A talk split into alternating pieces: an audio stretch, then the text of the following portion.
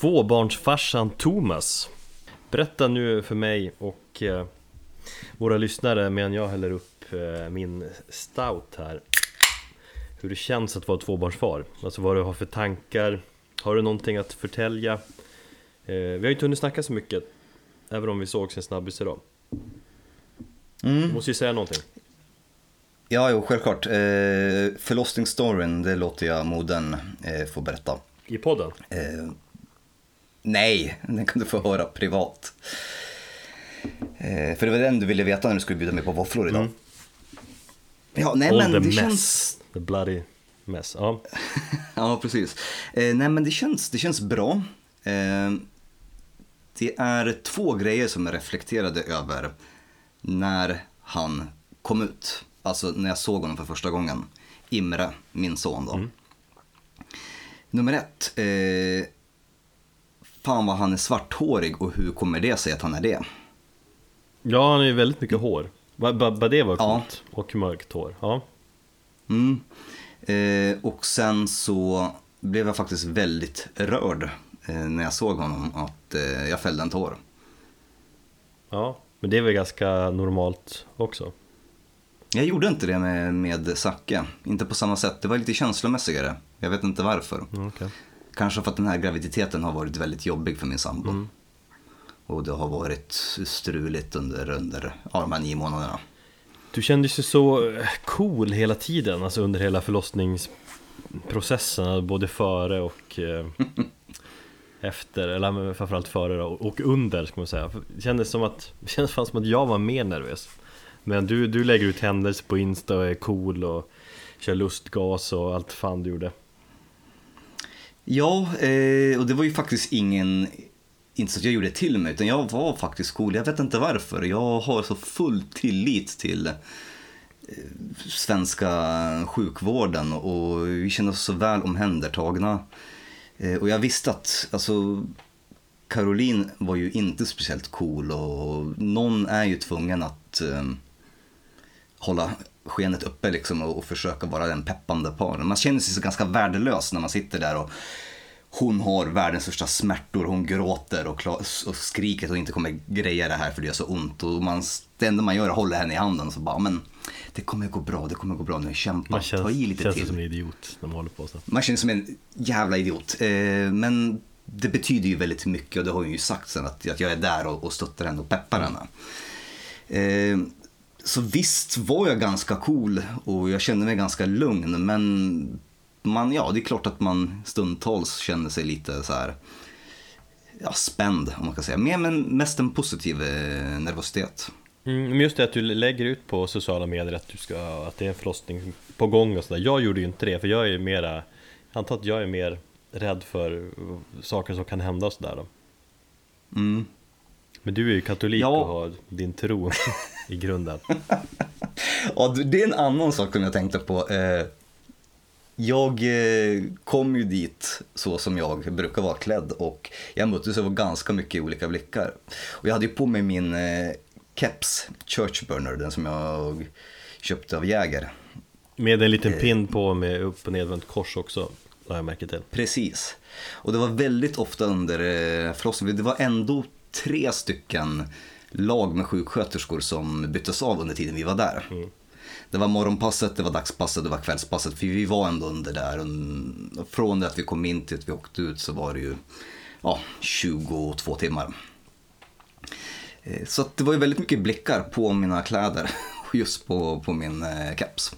Jag la ju märke till din outfit också Men det var, alltså, du, du, du tänkte ju ändå igenom den lite grann Den här kepsen ska jag ta Eh, Den här t-shirten blir bra Funkar den här? Du är ju ändå medveten på det viset Absolut, t-shirten var undermedvetet val att jag valde Dragged Into Sunlight. Sen kom jag på att det ju- känns ju ganska passande. I och med att det här var en igångsättning och vi satte igång honom en vecka tidigare. Mm. Eh, kepsen, det var mest för att hålla håret borta från ansiktet.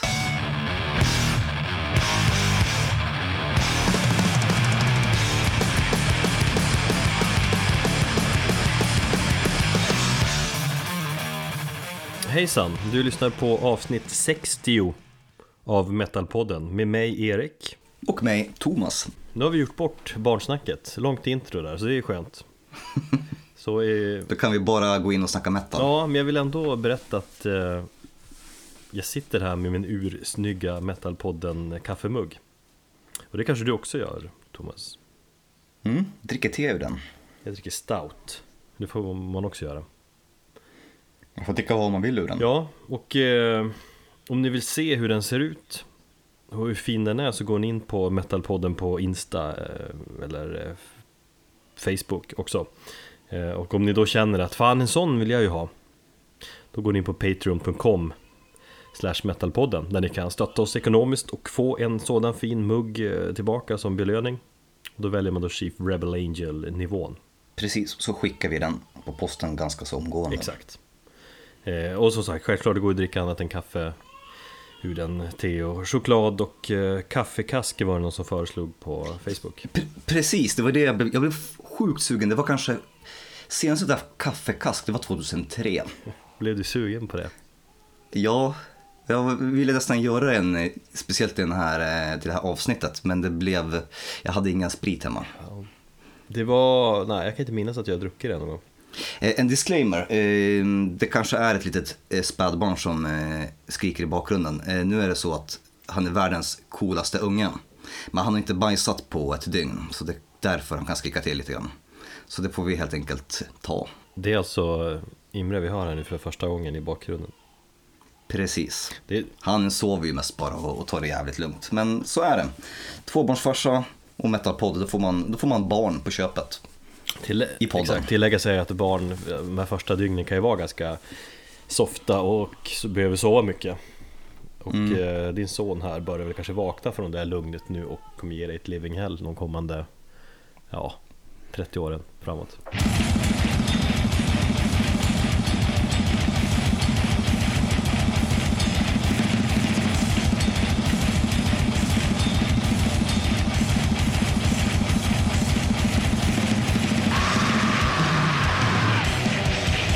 Ja, i det här avsnittet så ska vi snacka hårdrock på svenska.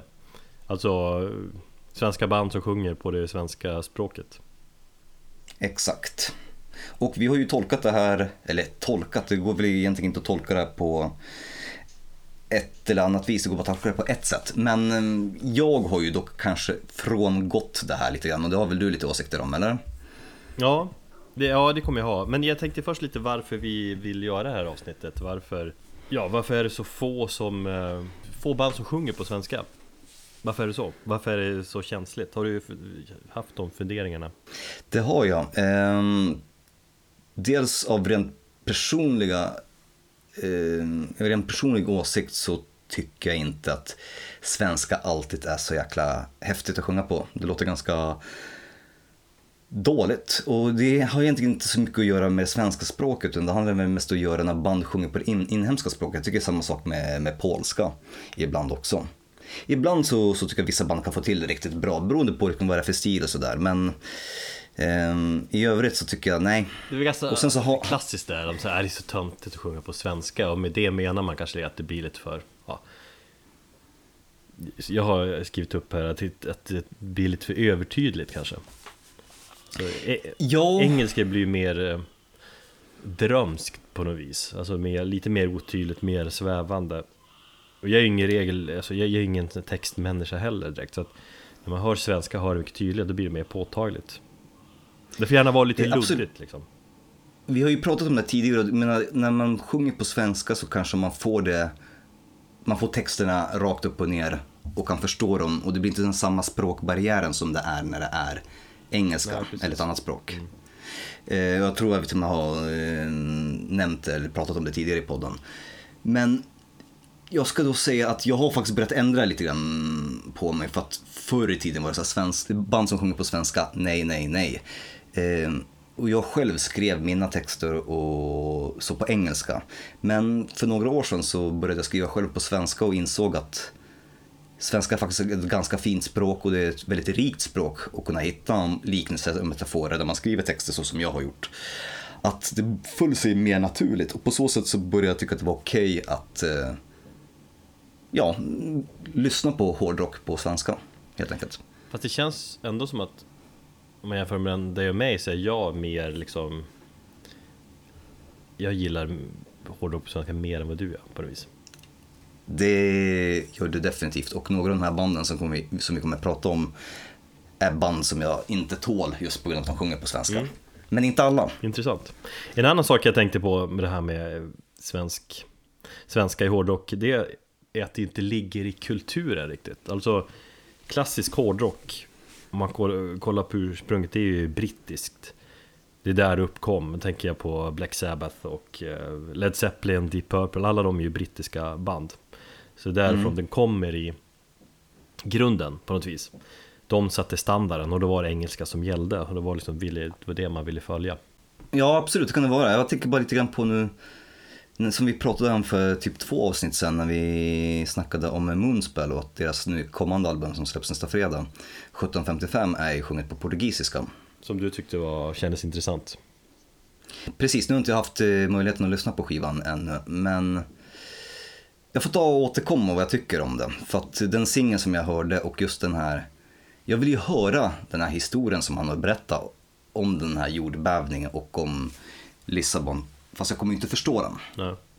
Så det är frågan om musiken kommer bli bättre av att den sjungs på modersmålet eller inte på grund av att jag inte kunde, jag som textmänniska då, inte kommer kunna förstå vad han sjunger. Visst, jag kan gå ut på YouTube och kolla lyrics videos med eh, subtitles, det, det funkar väl lite grann men nej.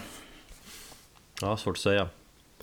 Jag tänker också så på, på band och i synnerhet, jag menar, japaner är ju super in, eller väldigt många japaner, inte alla japaner, men svensk krust är ju väldigt populärt i Japan. Och svensk krust är ju oftast eh, sjungen på svenska. Mm. Och att det finns många japaner som, som diggar det. Och jag tänkte, det här är ändå band som har väldigt politiska texter och kanske har någonting vettigt att säga. Och då tänkte jag att om man inte förstår det så, så jag tycker ändå det är intressant att det blir så pass stort. Det är väl det där att det känns exotiskt med någonting från väst Från det här konstiga landet Sverige där det är kallt och Ja, det känns spännande liksom Mm. Som är helt skilt från Ja, deras mycket- kultur mycket- på något sätt Ja, mycket möjligt. Min eh, nya inställning är i alla fall Jag ska försöka gilla och ta mig till mer av liksom band som sjunger på svenska Problemet tror jag är att det finns för få band egentligen det finns ju ja, det finns ju relativt många Men skulle det bli ännu vanligare tror jag att man skulle gilla det mer också Nu har jag ganska dålig koll på eh, många svenska band.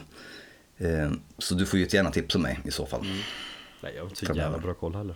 Men eh, vi tänkte vi prata om ett eh, flertal band, får se hur många det blir här, som sjunger på svenska. Band som vi gillar, har vi väl tänkt först och främst. Eh, kanske inte gillar så mycket heller. Eh, band som står ut på olika sätt, eh, förutom att de sjunger på svenska då. Mm. Jag kommer fram till att det är ett ganska brett spektrum av, av hårdrock och metall. Sa jag metall precis? Det gjorde du. Eh, fan också. Eh, men jag skrev ner att banden vi ska tala om kan kategoriseras in i eh, bluesinfluerad hårdrock, eh, dödsmetall, sludge, doom metal, thrash metal, typ av så här alternativ metal, black metal, garagerock, hardcore, kängpunk och eh, krustpunk. Och någon genre till kanske, men ändå ganska fin bredd tycker jag. Vi börjar där det en gång eh, började på något sätt med bandet November som bildades eh, otroligt tidigt just eh, om man pratar hårdrock under det sexiga året 1969 Mm. eh, väldigt starkt influerad av just Led Zeppelin. De hann ju släppa jag tror det, ja definitivt en, men ja, två plattor, deras två första plattor tror jag de släppte 69 och November då bara fan det är ju Eller Novembers bandmedlemmar tänkte att fan det är ju sån här musik Vi ska göra, det här är bra skit, vi måste göra någonting liknande. Och så skrev de en platta, spelade in den och släppte den 1970 Mm. Debutplattan eh, En ny tid är här.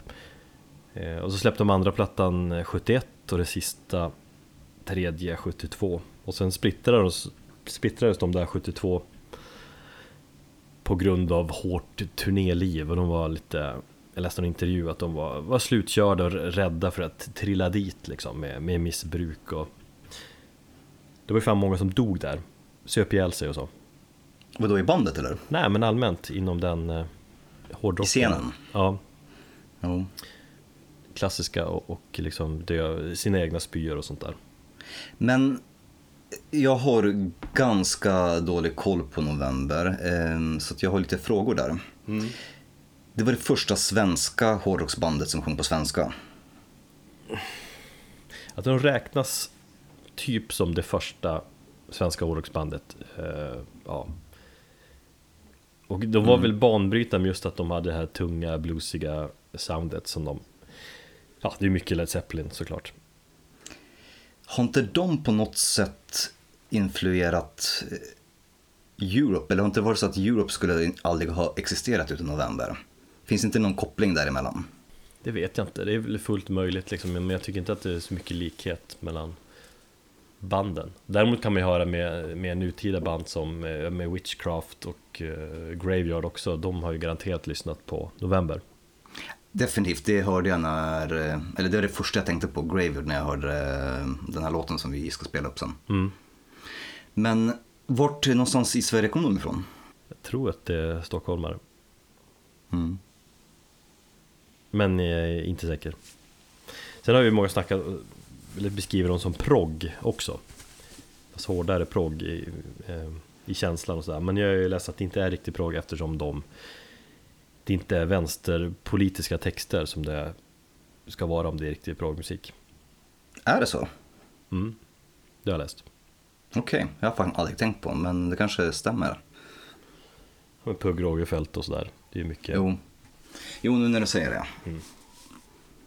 Nej men jag gillar att de körde på jävligt intensivt tre år och sen gav de upp lite grann. Sen har de haft något återföreningsgig eh, i början av 90-talet och eh, någon gång på 2000-talet också. Hur gamla är de idag? Det lär ju vara pensionsålder på dem. ganska... Vad sa du? Det lär ju vara pensionsålder på dem. Ja, ja. Eh, men jag, sen kan jag ju tycka också när jag tänker lite grann att eftersom de räknas som ett av de första svenska hårdrocksbanden så borde ju fler börjat sjunga på svenska. Alltså om de gjorde ett intryck där, starkt intryck på, på scenen från ingenstans egentligen. Så måste ju Mm. många försökt liksom härmat och apat efter sig. Men jag vet inte. Det är väl just som jag sa innan att det här är ännu större intrycket från de brittiska banden var nog enormt liksom. Så att det var det engelska som gällde i stort. Nej, Det jag reflekterade över när jag hörde den här låten var hur otroligt bra det lät. Jag hade inte förväntat mig den här typen av svänget som just eh, den här låten som vi ska spela. Bra produktion också, möjligtvis är det lite uppiffat och sådär. Vi ska lyssna på låten En annan värld från debutplattan En ny tid är här.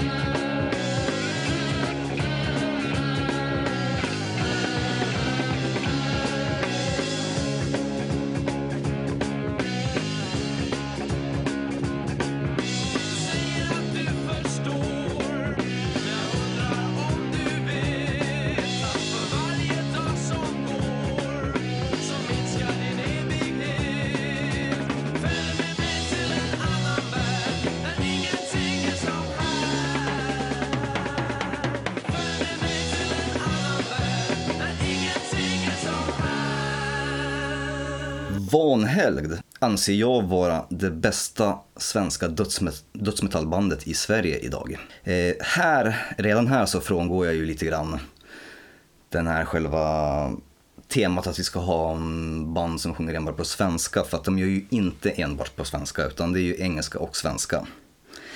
Men jag insåg också att jag tror aldrig jag kommer att få möjlighet att prata om Vanhelgd och min kärlek till det bandet om det är, om vi inte tar upp det just nu.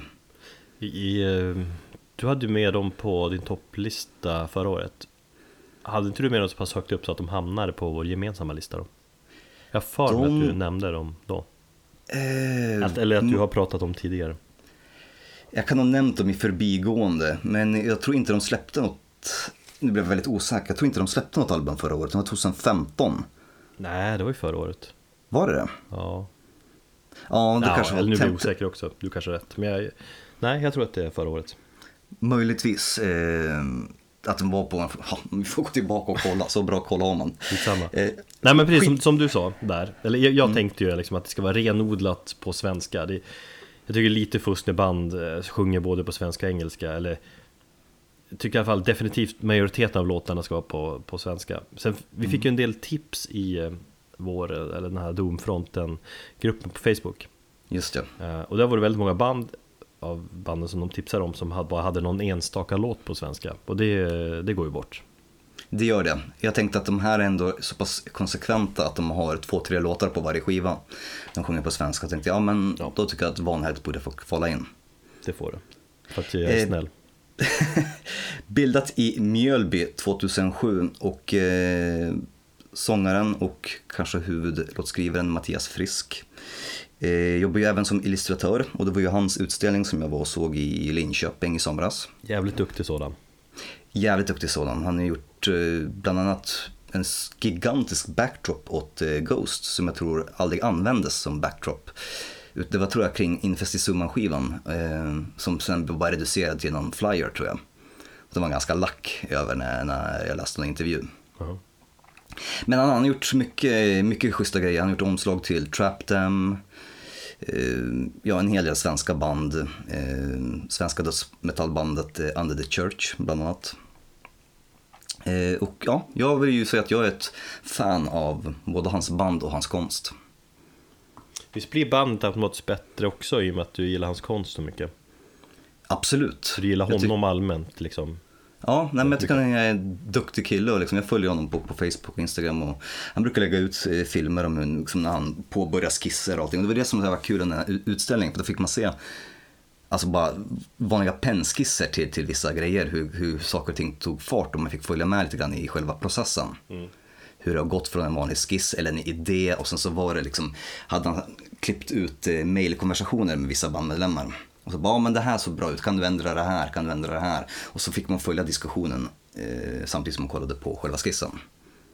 Och så var det olika skisser ut efter diskussionen.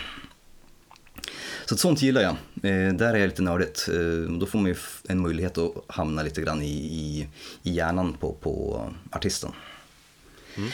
Men vad är det som gör Vanhelgd så bra? Jo, det är eh, inte bara det att de sjunger på svenska utan det är faktiskt som att de håller sig borta ifrån Stockholm.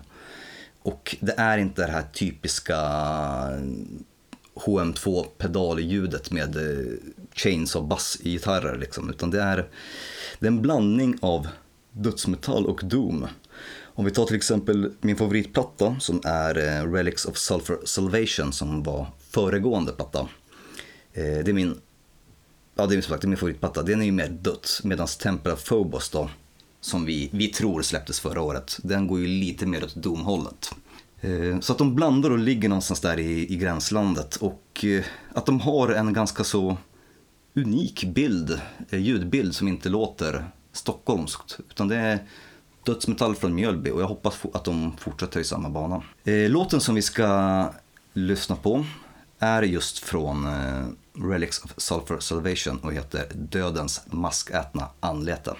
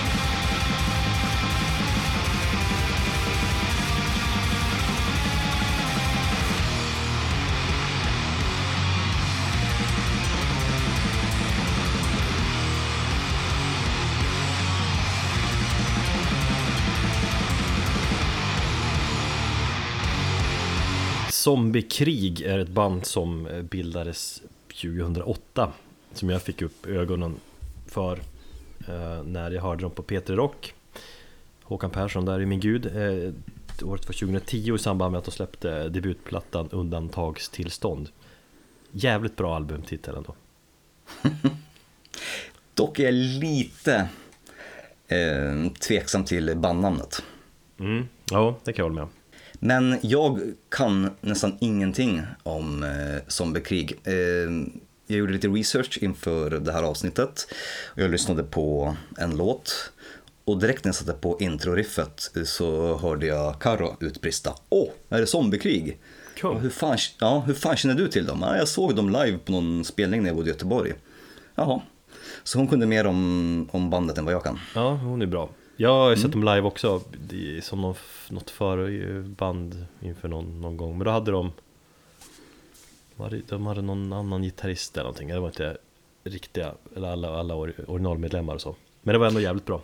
Men är de aktiva fortfarande? Nej, jag kommer till det. Eller ja, Okej. kanske. Men, men jag gick igång på det jag hörde där på V3 Rock för ja, sju år sedan och eh, kollade upp bandet. Så då hade de de hade en presentationstext eh, som lät så här som jag eh, blev jävligt, eller kände en grym sån här eh, igenkännelsefaktor All right. Eh, Det står så här. eh, Vi är de som hade hår för hela ansiktet och Carcass longsleeve på klasskortet. Som förstörde ditt högstadiedisco med Sepultura covers 92. Vi slet kilometervis kassettejp med Revel in Flash, Dire Sea, Troops of Doom, Inner Self och Seasons in the Abyss. Vi levde när Entomb, Dismember och Edge of Sanity ägde Svea rike. Vi fick våra reben sönder morspittade på Magasingatan. Vi drack folköl och hatade Ace of Base. Vi bandade Headbangers Ball på söndagsnätterna. Vi störde ihjäl oss på dig, din brorsa, dina kläder, dina dance moves. Fan vad sweet det var. Fan vad bra sagt. Ja visst var det härligt? Det Ja, jag fick, att- gå, jag fick gåshud. Ja, och det är inte så att jag, jag känner inte igen mig ordagrant liksom i texten Men om jag byter ut några ord så är det klockrent. Jag hade ju liksom Pantera longsleeve på mig på klasskortet. Eh, Förstörde diskon med att slå på Blackhand med Metallica. Gjorde massa blandband med liksom Pantera, Sepultura och eh, Metallica, Slayer och så vidare. Och så bandade jag också hårdrocksprogram på MTV Och störde ihjäl mig på alla de här disco-fjantarna. Jag har alltid hatat eh, diskon liksom Samma här. Eh, Jag var även den personen du hade din period där med Ja men då var jag barn, men nu, nu när jag var tonåring. Nej men sen så när jag var i studie, studieålder, alltså när jag gick på högskolan så var jag den här personen som blev portad från folks datorer. Eh, det var Winamp-tider eh, och jag brukade alltid smita in en, någon dödsmetall-låt i, på förfesten. Eh, och då var det alltid någon bara, vad fan är det som har satt på det här jävla skitmusiken? Den här destruktiv musik, men hör ju för fan inte vad de sjunger. Jag tror alla eh, som eh, liksom hårdrockare har, ju varit, varit den personen på fester som förstör liksom Yes. eh, man stoppar in sin musik Med stolthet har jag också varit det, vill Ja. jag på, påpeka. Nej men det var faktiskt en jättefin text och ja, jag håller med igenkänningsfaktorn var, var stor. Och jag fick automatiskt mer respekt för bandet nu. Ja, visst fick man det. Det var det jag kände också eh, Zombiekrig, det- de spelar ju eh, thrash metal på svenska Och eh, jag tycker det är jävligt bra i mina öron eftersom de, eller, de har också nämnt deras influenser som Metallica 1984 och eh, Megadeth innan de blev gay. Det var då innan han blev eh, eh, kristen då eller? Ja, men innan liksom 90-talet kanske. Ja. Eh, Men och det hör man på musiken, det är liksom riffen osar verkligen eh, old school thrash om man säger så. Undrar om det där är ett uttalande som de kan stå för idag? Ja. Megadeth alltså. men ja, innan de blev gay, exakt. Det är tio år sedan det uttalet, det känns ju inte helt så här, Helt okej att säga det idag, nej. Nej. Eh, Men och så anar man lite en ung James Hetfield väldigt ofta liksom. Det är den Mm. typ, typen av riff. Um, Och så sjunger han ganska, ganska skrikigt så det blir ganska punkigt liksom. Uh, Och ganska, stundtals ganska roliga, fyndiga texter, inte hela tiden men ofta som så här, Dö för fan, sluta andas, stick Och eh, håll käften, ge mig dina pengar Det är nog den låten som var första som jag hörde med dem, kom jag på nu, jag har hört dem tidigare. Eller ja, jag vet att folk snackade om Zombiekrig när de var ganska populära kring, kring, kring den skivan tror jag va? Eller kommer den från eh, den första plattan eller? Ja precis, de har ju släppt två plattor, undantagstillstånd där 2010 Och då, eh, både Dö för fan och Håll käften, ge mig dina pengar är ju från den Och två år senare så släppte de den vänstra stigens ljus Just ja, så hette den. Mm. Också jävligt bra, men inte samma liksom hit Jag tycker att de fick en ganska schysst pass, liksom passning till Left Hand Path.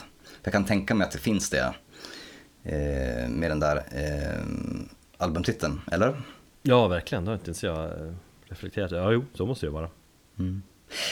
När det kommer till texter, jag har eh, inte direkt satt mig in i dem, men det jag tänkte på när jag hörde lite grann inför det här avsnittet var att där hade vi ett litet exempel på hur jag inte tycker att svenska funkar. eh, inom- eller in- inom hårdrocken. För just thrash metal vill jag kanske ha Ja, jag vet inte, jag, jag, jag, jag har kanske fått helt enkelt, jag är ovan. Det kan vara så enkelt som så. Men att jag vill ha min thrash metal på, på engelska för den låter mer aggressiv. Jag vet inte. Mm. Det, det kändes som att det var någonting som, som inte passade in. Det var något som skavde när jag lyssnade på dem. Ja, jag, jag tyckte att det, det kändes lite så här, äh, lite nytänk Eller det känns ju Ja, lite unikt sådär. Ja. Som jag gick igång på.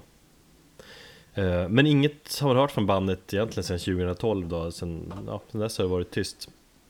Eh, Jag messade dem på Facebook Idag och så fick jag svaret eh, att de är nedlagda tills vidare. Så att man får känslan att några medlemmar eller någon är sugen på att starta med att de kanske, ja, någon annan inte. Det var ju ett tag sedan så att, ja, det är väl familjer och du vet, barn och sånt där vägen Möjligtvis, Ja. jag bara spekulerar Det kändes som de hade en, ändå en, en liten hype där när de, när de kom där 2010, eller hur? Ja, verkligen Som För det lite- var en hel del av mina vänner som pratade om dem. Ja Men det känns som att de håller det lite levande för de lägger upp lite klipp och sådär på deras Facebook-sida Så man får ju se vad som händer i ja, framtiden Jag får helt enkelt ta och försöka lyssna mer på texterna och ehm, försöka släppa sargen. Ja, det tycker jag Vi ska lyssna på låten då, Dö för fan. Eh, Det är känsla att sjunga orden åt helvete, tycker jag. Om du tänker på det. Eh, Och även att slira på R'n i eh, Ja, som man gör i dörr och förr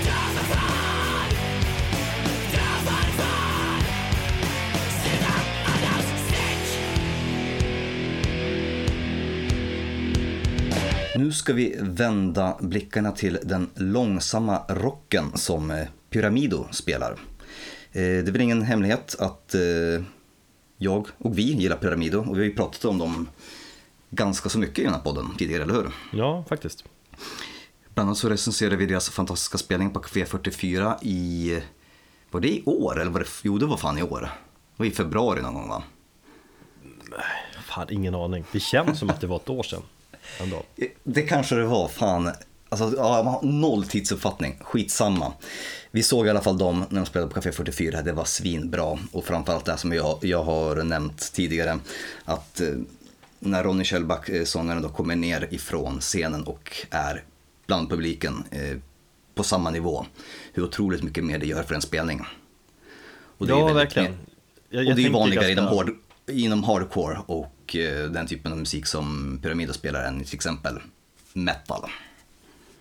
Ja, det är väl det som gör det unikt. Alltså det är inte unikt att en sångare hoppar ner, men att han väljer att stå hela spelningen där. Mm. Och det är inte så att han röjer runt, utan han är där en av oss liksom. Mm. Det, ja, jag brukar tänka på den spelningen ganska relativt ofta, det var svinbra. Mm, jag åter, återkommer också den i, mina, tan- i mina tankar när jag, när jag tänker på bandet. Han är Ehm, förresten, Ronny, han verkar vara någon roddare av något slag. Eh, Följer han på Instagram? Yes, han eh, roddar ljus har jag för mig åt eh, bland annat Graveyard Mm. och Helicopters. Så att det, han är väldigt mycket ute på, på vägarna med, eh, med olika band. kör. Kul jobb ändå. Det jag gillar med Pyramido, eh, förutom att de sjunger på svenska då, eh, och det har de inte alltid gjort. Jag tror till och med demon och på första eh, skivan, eh, nu ska vi se, Sand, Salt, Saga och Vatten heter skivorna som har släppt. Eh, jag Just det, var jag har, jag har ju de tre senaste om man säger så. Vatten Mm. var se- senaste va? Det stämmer. Sen var det Saga och så Salt. Och vad sa du att den första debuten? Sand. Sand. Den har en elefant på omslaget. Eh, jag tror det är på Saga så sjunger de på, eh, nej förlåt inte på Saga, utan på Salt så sjunger de fortfarande på engelska. Men på Saga så gick eh, Ronny Kjellback över till att sjunga helt på svenska. Och det är den plattan med bandet som jag gillar bäst hittills. Vad jag gör nu är att jag går in på min Discogs här. Letar jag upp Pyramida. Och eh, ska gå in på deras debutplatta. Och så kommer jag då lägga debutplattan som, eller på min, eh, Wantlist. fan det finns ju bara i vinyl, eller i, på CD, väl skit. Då blev jag tveksam, men hade varit, jag tvekar lite grann då, men hade varit på vinyl hade jag lagt en add to wantlist. Då får man ju mail så fort den finns ledig så att säga, någon säljer den. Tips! Om man vill bli Precis. fatt, fattig. Det har jag gjort med eh, några skivor också. Autopsy bland annat. Ehm, nej men när eh, Pyramid gick över till att sjunga på svenska och här kommer jag säga emot mig själv eh, med tanke på tidigare. Då tyckte jag att bandet blev mycket bättre för det blev naknare, det blev ärligare och det blev mer personliga texter. Eller jag fick en personligare koppling till bandet och till sångaren. Ehm, Men är, är det musikgenren som avgör det eller? Nej, utan jag tror det är sättet Ronny Eh, skriver sina texter på. För att jag, det är en sån otrolig igenkänningsfaktor och det här mörkret. Att det är, det är väldigt mörka texter men det finns en gnutta hopp i dem. Och det är, det är, en liksom, det är en stor del av mig som person att jag är väldigt mörk som människa och de som inte känner mig väldigt väl tycker att jag är ganska morbid och är ganska så sjuk i huvudet. Men jag är egentligen, som jag sagt tidigare, det är ju bara egentligen en, ett sätt för mig att bearbeta och hålla en distans till det här mörkret när det blir väl påtagligt. För livet kan ju vara ett jävla helvete ibland. För att citera vår vän Kim så är det ju en jävla posör. Ja, ska han säga, han som gifte sig här nu. Ja, för fan, det är posöret. Det är så jävla på såret Kim. Fan. Grattis din jävel. Eh, nej men som sagt, men jag är också en person som egentligen inte är så mörk. Jag har ganska positiv eh, livssyn, tycker jag i alla fall. Eh, och det finns en gnutta hopp i, i texterna. Och det är just det att när han gick över till att sjunga på svenska så träffade de och blev ännu mer verkliga. Och sen det faktum att det är ett band som också undviker alla de här klyschorna eh, inom genren. För det är så lätt att bara bli ett band i mängden. Det är ett sludgeband, de har ju oftast dragits, eh, liksom, det dras paralleller till I Hate God och allt möjligt. Crowbar och sånt där. Men de, de kör liksom, det är så att de ringaktar riffet. Det var jag läste en intervju när de sa att vi, man ska ju dyrka riffet inom den här typen av musik. Och det här är ett band som ringaft, ringaktar riffet. Det skrev du i din eh, recension va? Precis, och det var ju taget från en intervju med bandet. Ehm, och att de på något sätt, låttitlarna, eh, omslagen, man kollar på, eh, på omslaget till Saga, det är så otypiskt och det är så icke-metal eller någonting ens för genren. Det är troll och pastellfärger i en liten skog. Eller kolla på omslaget till Salt, det är vitt. Mm. Och det är det att de på något sätt kör inte de här typiska grejerna som gör att jag gillar bandet ännu mer. Jag gillar, när jag läste intervjuer med dem, så de uttalar sig på rätt sätt hela tiden. Ja. Det känns liksom att de gör det på ett genuint sätt liksom. Mm.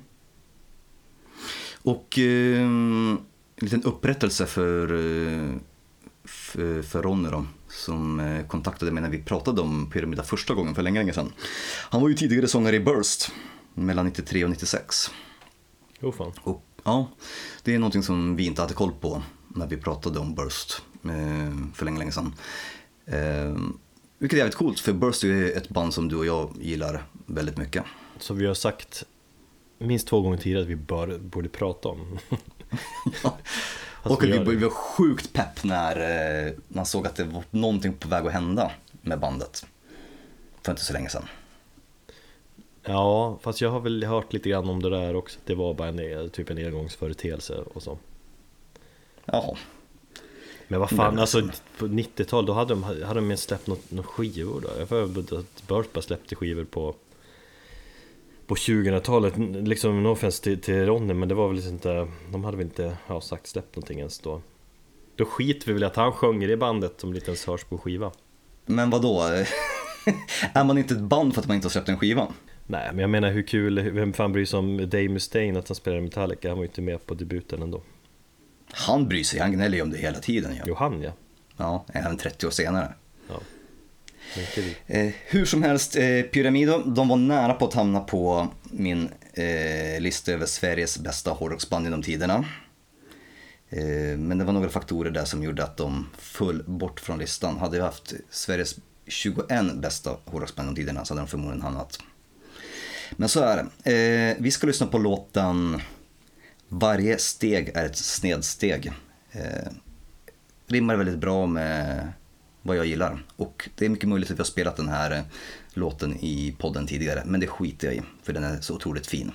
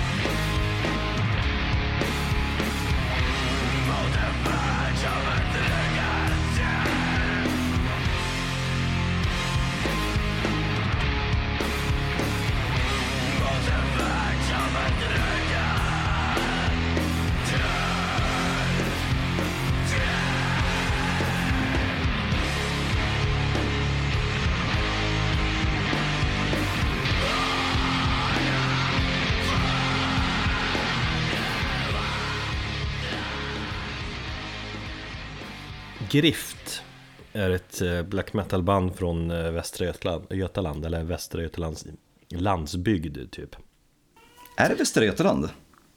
Ja, Jag tror de kommer från Sörmland. nej utan jag googlade så var det Västra Götaland All right. Eh, Det är ett enmannaband som består av Erik Gärdefors, det vill säga han sköter sång och alla instrument på egen hand. De har varit två en gång i tiden, men det var eh, väl ganska många år sedan. Nu är det Erik som kör bandet själv. Live har han ju ett eh, liveband däremot som stöttar upp. Eh, Jag hörde att de spelade på Nordfest i Sundsvall här i helgen, Det var igår va? igår. Det är söndag idag. Ja, just det. Mm. Eh, och då spelar de akustiskt och det är nog visst någonting som de brukar göra ibland. Häftigt. Mm. Något som känns, läste en intervju att det känns liksom naknare och mer äkta ibland. Så han skriver visst alla sina låtar akustiskt också med en liksom, akustisk gitarr och tar ut ackord på det viset och så. Mm, just det. Eh, det känns lite ovanligt faktiskt. Men eh, coolt.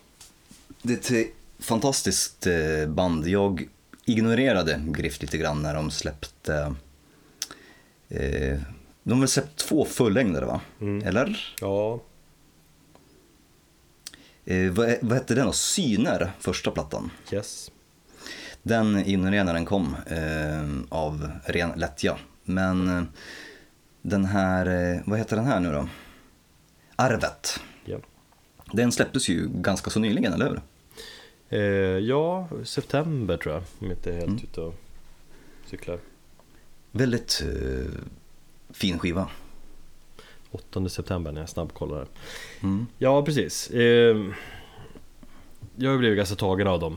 Eh, Han beskriver ju själv ganska tydligt vad han vill förmedla med sin musik. Eh, Beskriver det att han som likt svenska poeter i historien vill förmedla känslan av melankoli och existentiella frågor och här, skapa sinnesstämningar som människor alltid har känt stort behov av. Alltså de här, de här sinnesstämningarna som kanske inte går att beskriva eller uttrycka sig i text men som man kan känna när man lyssnar just på musik eller tittar på bilder och konst och, och sådär.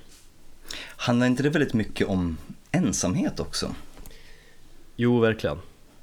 Och jag, jag tycker verkligen att han... Eh, ja, men alltså det, det är musik som verkligen... Ja, som, som, som man blir berörd av. Ja, eh, jag recenserade den skivan inf- inför eh, Soundcheck, min close-up kom jag på nu. Eh, och jag lyssnade på den eh, någon, någon dag här eh, under min semester. Det är verkligen musik som man bör lyssna på dels under ett års tid, typ en höst. Så just nu är det ju perfekt att lyssna på den musiken, den är otroligt stämningsfull och det här jag tror att han, han har ju någon förkärlek, om jag inte tar helt fel, för just glesbygden och, och, och naturen, eller hur? Mm. Det, han är verkligen eh, mån om naturen och ett sånt tänk, en eh, miljöpartist på det viset. Eh, han pratar om sin, sin skog som höggs ner, liksom, som han har lekt när han var som liten och den höggs ner då på, på en dag liksom, och hur, hur dumt och onödigt det var. Men han tänker så. Men jag lyckas ju jag lyssnade lite på förra skivan också, det, om det var du eller någon annan som, som pratade om den. All right. Eh, Men jag, ja, det är väl black metal på svenska, ja, ja, inget som jag intresserar mig för nu. Men han lyckas ju nå mig ganska fullkomligt för en tid sedan jag lyssnade genom nya skivan Arvet då. Mm. Eh, Jag brottas ju en del med, har insett, någon typ av dödsångest som kommer ibland. Mm. Eh, något som jag tror att alla har, mer eller mindre. Eh, men för, för mig har det blivit mycket tydligare nu när jag, efter allt som hänt i våras med min sambos syster och hennes man som gick bort och så fick vi en eh, andra son på det. Alltså det var verkligen så livet och döden Mm. ett var så tydlig på något vis. Eh, Så lite då och då hamnar jag i såna här jobbiga tankar som jag försöker tänka bort. Alltså tankar om hur livet, hur skört livet är, eh, hur meningslöst livet kan vara liksom. Fan vad skönt att höra dig säga det. Ja, Accept the, the futility. Nej men att jag kommer att dö, ja allt det där Och det, det var en tidig morgon då när jag som vanligt hade sömnbrist som jag tror också kan påverka för man, man är trött och då blir man eländig och då tänker man mer Eh, Då fick jag sådana tankar där och då lyssnade jag på nya Griftplattan, Arvet och eh, musiken liksom förstärkte känslan av den här meningslösheten som, som kom och jag fick för kanske just inte så lång tid, men kanske 10, 15, 20 sekunder fick jag någon typ av så här halv panikångest. Någon sån här form av smärta som jag kände, jag var typ i magen på något sätt. Mm. Lite så här tappa fotfästet känslan, så här, oh shit. Eh, svårt att förklara, men Ja, jag vet precis vad du menar. Jag är ju expert på panikattacker. Så behöver du tips på hur eh, du bäst undviker dem eller hur du hanterar dem, då kommer du till mig. Då ska jag ge dig de rätta verktygen. ja, jag vill, jag vill försöka klura ut vilken typ av dödsångest jag har liksom och så. Men ehm, jag vill döds- Alex Schul- Schulman och den här podden han har med när Sigge Eklund snackar alltid om sin jävla dödsångest och det är svårt att ta det seriöst och så här, men ja, det är någonting som jag inte har tänkt på samma sätt liksom tidigare i alla fall, som har kommit nu senaste halvåret. Jag undrar om det kan ha att göra med, alltså jag har ju haft dödsångest hela mitt vuxna liv. Och eh, det är inte så mycket för min egen död för att jag bryr mig inte så pass mycket om mig själv. Nu kanske det låter jättekonstigt men det jag får panik och gör att jag blir totalt så här lamslagen det är att veta att, att om jag skulle dö och veta att mina söner skulle växa upp utan en eh, far.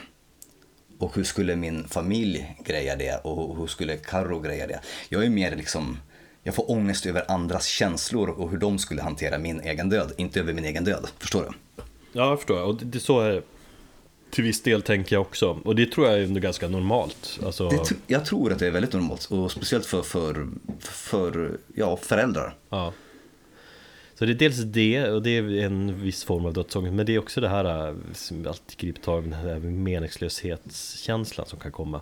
Och, och liksom någon rädsla för liksom att fan, du säger att du inte bryr dig, du kan dö, jag kan dö imorgon och sånt där. Eh, om ingen hade varit beroende av dig, om man säger så. För mig är det så, Ja. fan, döden, det är ju så brutalt och, och liksom Just det att, finns- att det inte kunna existera efter det. Fast vi kommer alla komma dit förr eller senare och det finns saker som är hemskare än döden, tycker jag. Att vara lämnad ensam, att aldrig kunna bli älskad, att aldrig ha en vän eller någonting. Att gå igenom livet helt ensam eller sådär, det tycker jag är fan nästan mer eh, skräckinjagande än själva döden. Då kommer ju den som en jävla befrielse. Mm, ja, i sådana fall kanske. Sen så har jag ju ingen aning om jag skulle ställa mig om jag helt plötsligt eh, skulle ställas inför någon form av död imorgon, vad vet jag. Då kanske jag skulle totalt ändra uppfattning, men ja, jag vet inte. Det är svårt att- förmedla det i... eh, Alltså prata om det känner jag. Det är någon Därför- känsla som kommer, alltså som någon typ av liksom eh, panik och rädsla liksom. Ja, ja men det är ju då man, man vänder sig till sin samtalspartner i natten och lyssnar på musik. Mm.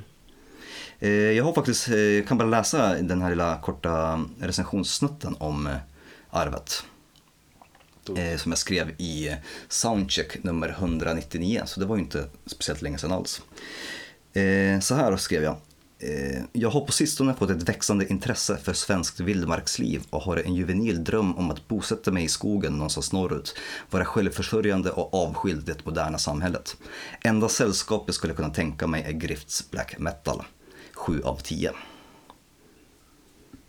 Fast i ett sånt tillfälle hade det varit 10 av 10 om du väl går all in och flyttar ut. Ja, ja, men vad fan, jag skulle ju sakna Instagram. Ja. Nej, men det här på något sätt så...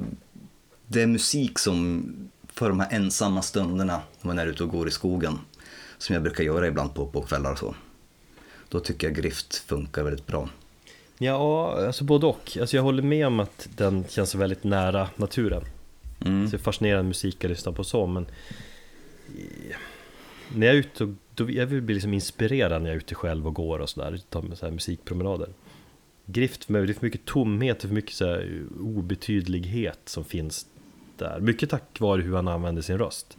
Alltså han varierar den ganska bra. Jag pratade med min polare Robert i Umeå, han tyckte han på något ställe sjöng som Onkel Konkel. Det var så tveksamt, men han gillar ju också bandet. Men han, han, liksom, han förmedlar ångesten på ett jävligt Mm. fascinerande sätt i sin sång och sin sång, sångteknik.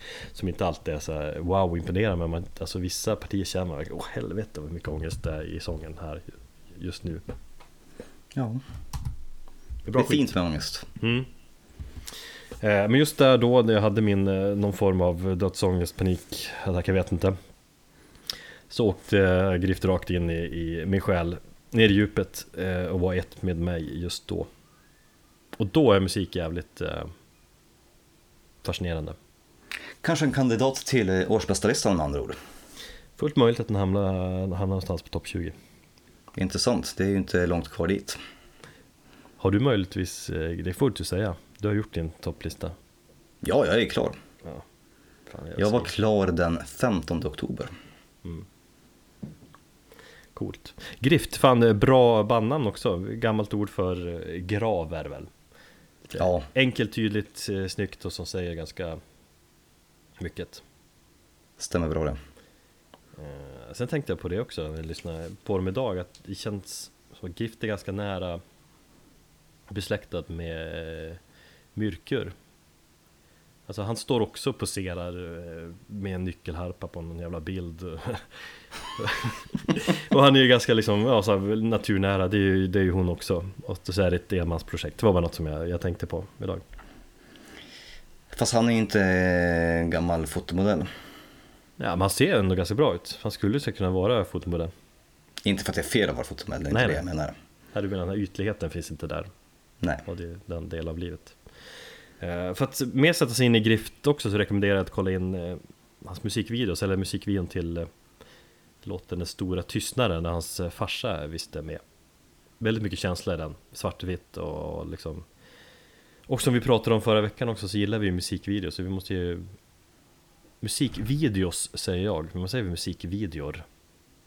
Musikvideos skulle jag nog säga. Mm. Båda kanske är korrekt. Videor. Ja. Det är lite svengelska det där va? Så är det nog. Mm. Eh, vi ska lyssna på Glömskans järtecken, bästa spåret på skivan, eh, Arvet, som låt som utvecklas och varierar under, under låtens gång väldigt mycket. Och just eh, slutriffet där tycker jag, jag tror vi hinner, hinner höra lite grann av det om du har klippt eh, rätt. Att eh, den är sådär catchy och deprimerande på samma sätt. Jag eh, har klippt rätt och vi kommer få höra en bra bit av det också. För det var så otroligt fint så att jag vill inte klippa där du ville att jag skulle klippa. Jag gillar det när jag säger ta den här delen av låten och så lägger du till eller du liksom tar saker i egna händer och Mm. bestämmer själv. Men det är okej. Mycket fin låt.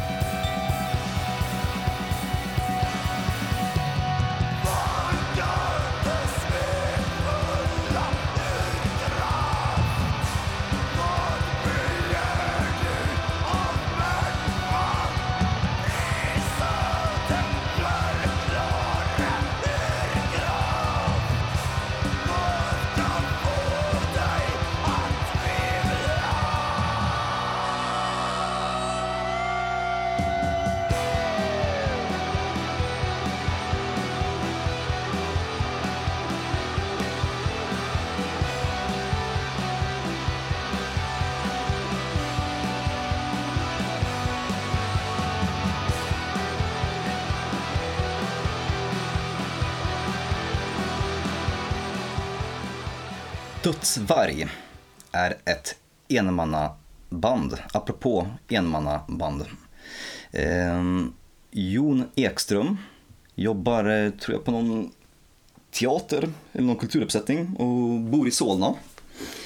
Eh, han spelar, eller han har ju så sitt enmansprojekt Dödsvarg som spelar någon form av blandning mellan krust, döds, hardcore, grind med väldigt mycket industriella omslag. Eh, Det var någon som skrev i en recension att skitsystem möter Gojira möter Meshuggah.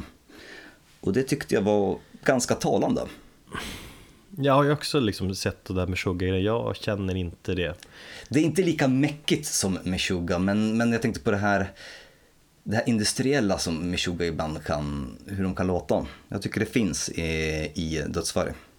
Jag, jag skulle snarare känna, alltså det är ju- jag, när jag lyssnar på dina, när du nämnde de här genrerna som det låter som, så sa du liksom industri sist av typ 5, 6, 7 nämnda genrer. Jag känner väl lite att just industrin kom ganska tidigt. Liksom, det låter som ett, för mig låter dödsfall som ett hårdare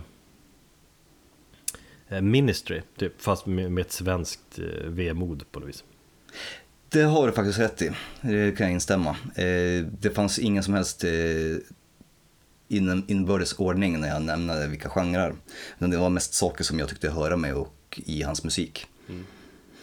Ehm, Han har bland annat släppt eh, skivorna Livet är en dödsorsak och Glädjedödaren och han släpper eh, väldigt frekvent, musik väldigt frekvent och han gör det på Bandcamp och det finns att köpa till Name Your Price så jag tycker att gillar ni musiken och gillar ni honom så gå in och köp för fan. Fast de Det ligger väl på ett skivbolag också? Alltså, Ja, Suicide Records Ja, tror, jag, tror jag att Ja. den här skivan Eld eh, släpptes. Eh, så det stämmer bra. Men ja, i så fall skivorna innan. Även precis nu i oktober månad så har han eh, släppt ett ambient-projekt till en utställning som heter Utsikter mot undergången.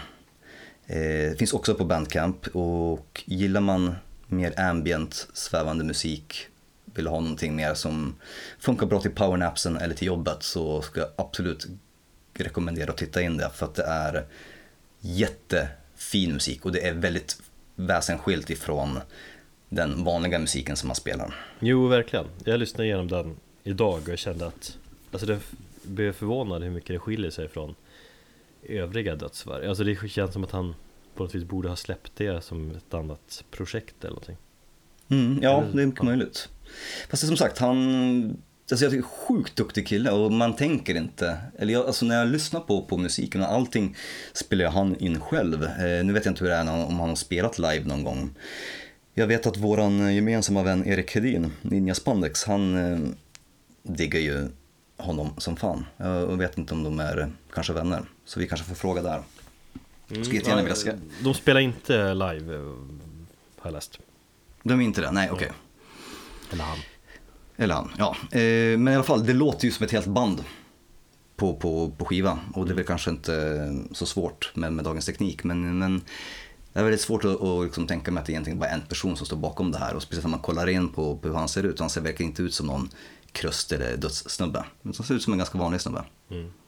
Det var du som fick mig att lyssna på dem, tror jag. För du hade, du hade den, tror jag också, den plattan Eld på din topp 20 förra året. Ja, eh, den kommer inte med, med på vår gemensamma lista men den hade jag nog med. Ja, skitbra. Det var då jag upptäckte bandet också. Mm, jag tänkte, vad fan är det här? Eh, jag tyckte det var, jag tyckte de är inte intressant, men jag blev väl inte så super övertygad på det viset. Nej. Nej, det var som sagt, det var, det var Erik Jävligt mycket som, potential och sådär, eller har jag bara lyssnat för lite också? det var Erik som sagt som tipsade mig om dem. Det var han som tjatade väldigt mycket om det bandet. Så jag tänkte, äh, fan jag får kolla in det. Sen så var det jävligt coolt bandnamn också. Ja, där är jag jättetveksam. Det är verkligen ett bra bandnamn. Jag tycker det. Död och varg. Varg är ju ett otroligt fint djur och eh, ett coolt, eh, ett coolt ord. Varg, ja, ja visst men vad fan är en dödsvarg för någonting? Det är en jävligt död varg. Googlar du dödsvarg så får du upp kanske nå- något omslag och kanske bild på Jon Ekström. Resten är bilder på sönderskjutna och slaktade eh, vargar. Så att, jag vet inte. Han kanske, kanske finns något politiskt ställningstagande bakom det. Fast det är ju Google som tolkar det som en död varg. Ja, jo, jag vet. En dödsvarg är riktigt så jävla livsfarlig varg som, som hur vargar framställs i filmer, att de springer omkring och dödar en massa människor. Det är det är Det är en- dödsvarg.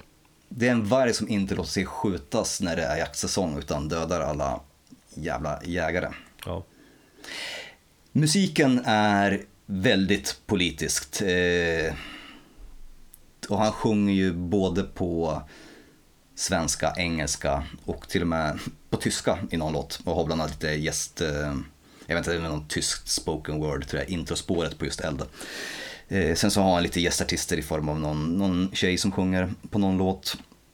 Och eh, låten som vi ska lyssna på heter Inte nazist men.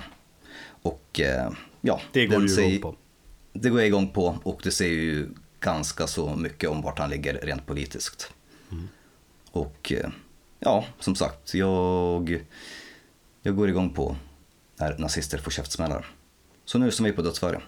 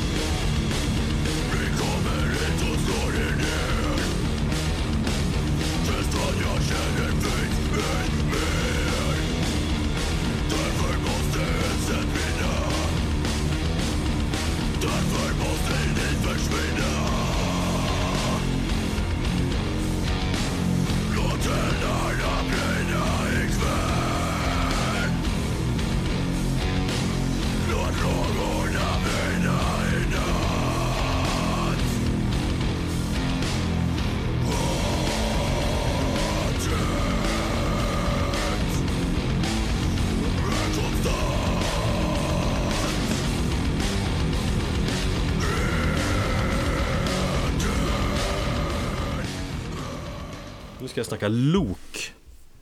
Fy fan säger jag då. Helvete, jag stänger av och går härifrån. Ja, Ja, det, det är ju ett band som känns som att det är ett sånt där band som är både väldigt hatat och väldigt, eh, ja, relativt älskat ju. Jag ska vara helt ärlig dock. Jag vill inte gilla det, men jag kan inte hata det fullt ut för att dess mest kända låt tycker jag är ganska svängig ändå i riffen.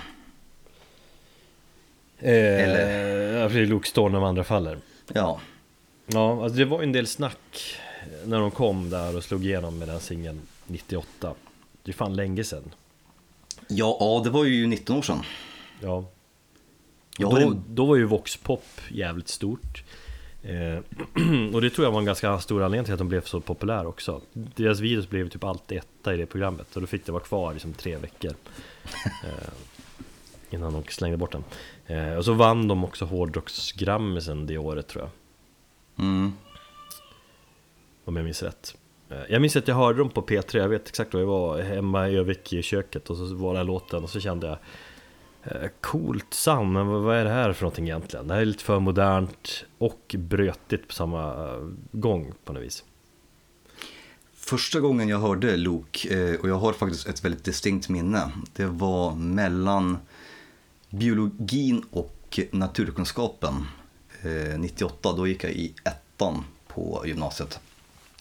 Hur vi stod vid våra skåp och jag skulle lämna in mina böcker och ta ut de andra böckerna och gå vidare till nästa lektion. Och så stod en eh, kille som var ganska populär och snackade Har du hört om det här bandet som heter Luke? Och så sjöng han på refrängen till Luke står jag med andra faller och det var gymnasiets snackes i typ en månad. Hur, hur köpte du det då? då? Jag tror, jag vet inte riktigt, men eh, i och med att jag aldrig gick vidare och lyssnade på det bandet så tror jag att jag bara kanske lyssnade på den låten. Mycket möjligt att jag diggade just under den månaden det var populärt. Men jag har liksom inte någon koll på Luke utöver det egentligen. Men varför hatet? Det här eh, som du, som du reagerar med direkt då? Ja, det är väl kanske lite mer eh, mot eh, hans senare projekt och eh, lilla syster och att jag tycker det blir ganska så... Alltså det känns som... Det känns ganska dum musik. Ja men det håller jag med om. Jag är heller inget fan av Lilla Syster. Eller de hade ett band som heter Rallypack ett tag, eller mellan där också. Ja, Just sångaren Martin Westerstrand. Men det tycker jag inte han ska mäta sig med, Lok. Jag tyckte ju Du köpte det inte, eller du kanske gjorde det egentligen men du, du vägrar erkänna det för dig själv att det här är ju lite bra ändå.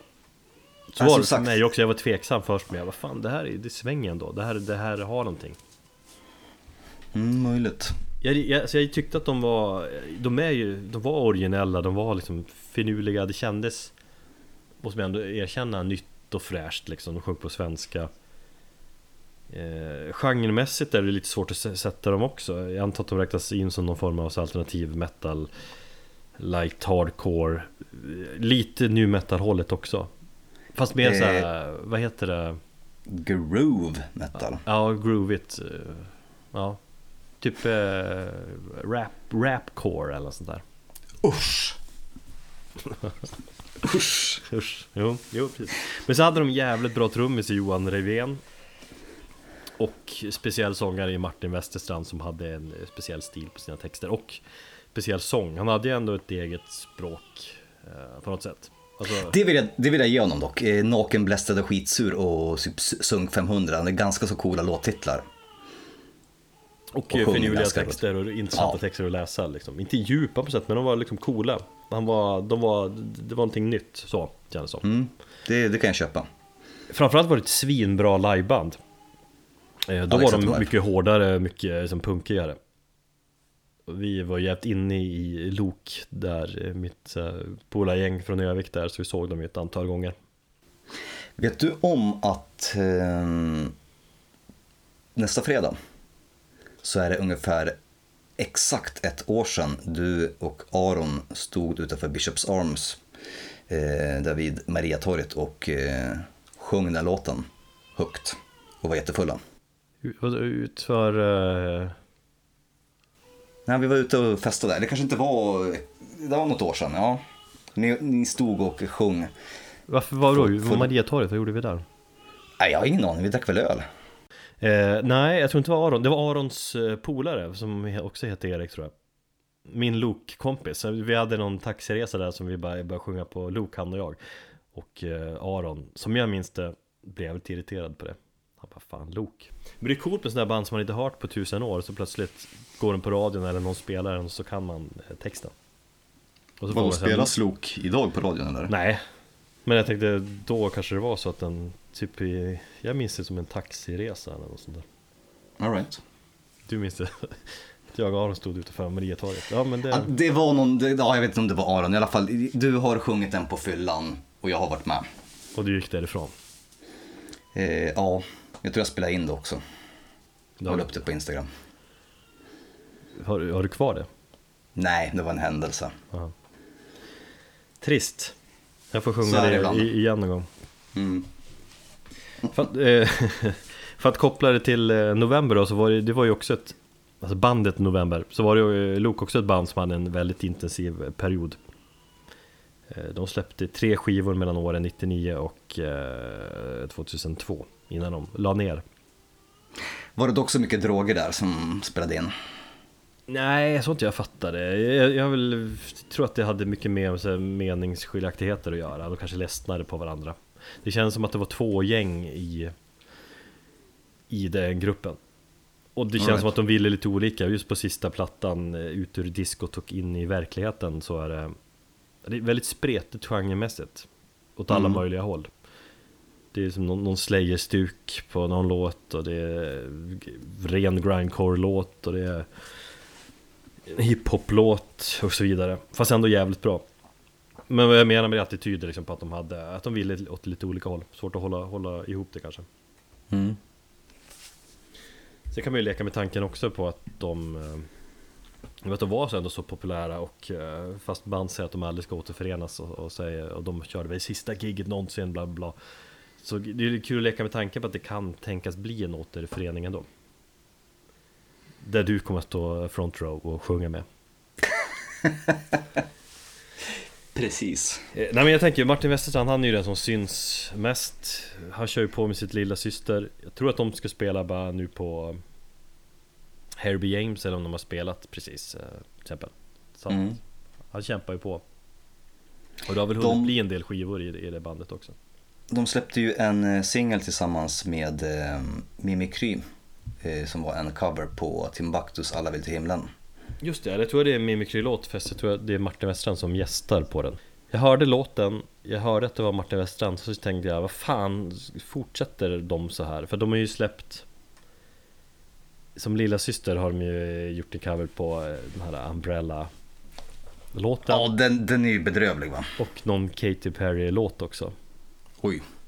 Den här Roar, eller vad den heter eh, Så direkt när jag hörde Martin Westerstrand så kände jag, vad fan eh, Fortsätter de så här med covers Men sen jag såg att det var Mimikry så blev jag ändå lite mer positiv till den Mm.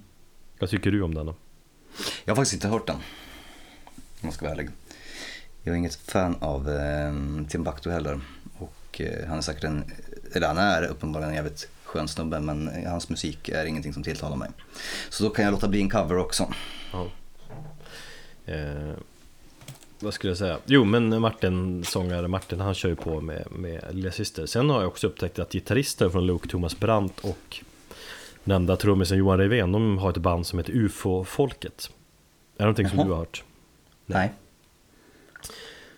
som jag upptäckte ganska nyligen. Faktiskt eh, riktigt bra. Någon form av så hardcore, punk, eh, thrash. Eh, stundtals lite så här Luke-likt också, hör man ju. Eh, så de tar in lite olika sångare, så ganska bra blandat. Eh, det kan man kolla upp om man vill. Mm. Eh, Lok, vi, vi ska lyssna på låten Experiment från eh, debutplattan Naken, Blästrad och Skitsur. Det är ändå den skiva som jag...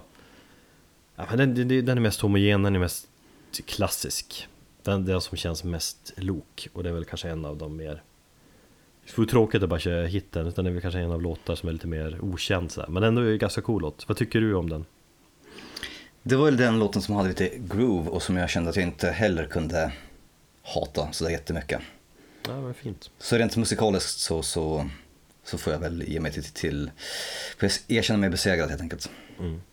Sen har jag funderat, hade Luke kommit idag hade jag kanske inte liksom Eller svårt att säga så, men då hade jag nog inte liksom brytt mig så mycket Nej men fan, mycket av musiken som man lyssnar på den är ju i någon viss tidsepok. Antingen så är det för just den tiden, ett visst årtal, eller så är det på grund av var man själv befinner sig i livet liksom. Så är det, nu lyssnar vi på experiment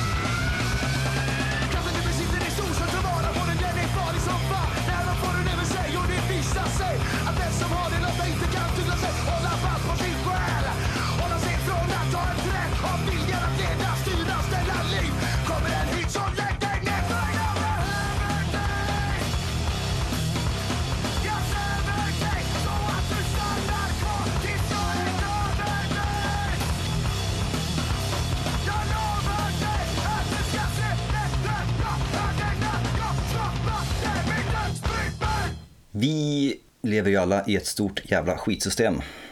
Och eh, bandet Skitsystem är ett av mina absolut, absoluta favoritband när det kommer till krust slash käng. Eh, bildad av Erlandsson och Tompa Lindberg. Eh, några två stycken musiker som egentligen inte behöver någon, eller någon vidare presentation. Eh, Fy fan vad, Erland- vad jag nämnt Tompa mycket i den här podden Ja, ja, men han är en sån jävla stor del av Sverige. Men hur mycket, vad har inte han haft fingret med i? Nej, det är sant Så sjukt mycket. Så att, eh, vilket jag tycker är häftigt för att mycket av det han har gjort är ju svinbra. Och stilbildande och så vidare Precis, med kanske en liten sån där eh, brasklapp eller parentes, eh, The Great Deceiver. Som jag vet att många kanske inte tycker att det var så här jättebra, men eh, jag tycker faktiskt de var rätt så bra. Jag tror jag också pratat om The Great Deceiver i podden. Ehm, ja, nej, men som sagt, Erlandsson gick till The Haunted och Tompa gick till The At The Gates. Och ehm, jag upptäckte faktiskt skitsystem väldigt sent ska jag säga. Eh, Det var där just kring släppet av Stigmata, vilket var deras sista fullängd. De släppte en split tror jag året därefter. Vilket Stig- år var det? Stigmata släpptes 2006 och eh, splitten eh, kom 2007. Så sent Så vad- ändå Ja, så var de väl, tror jag, aktiva och körde lite strögig fram till eh, 2010 har jag för mig. Och de teasade ju om nytt material i november förra året.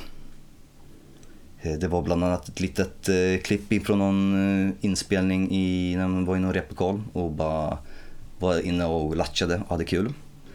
Och så sa de att vi funderar på att göra någonting eller så. Och sen så i mars tror jag att Tompa och eh, någon till gick ut och sa att nej, ännu en gång så bestämmer vi oss för att lägga det här på is.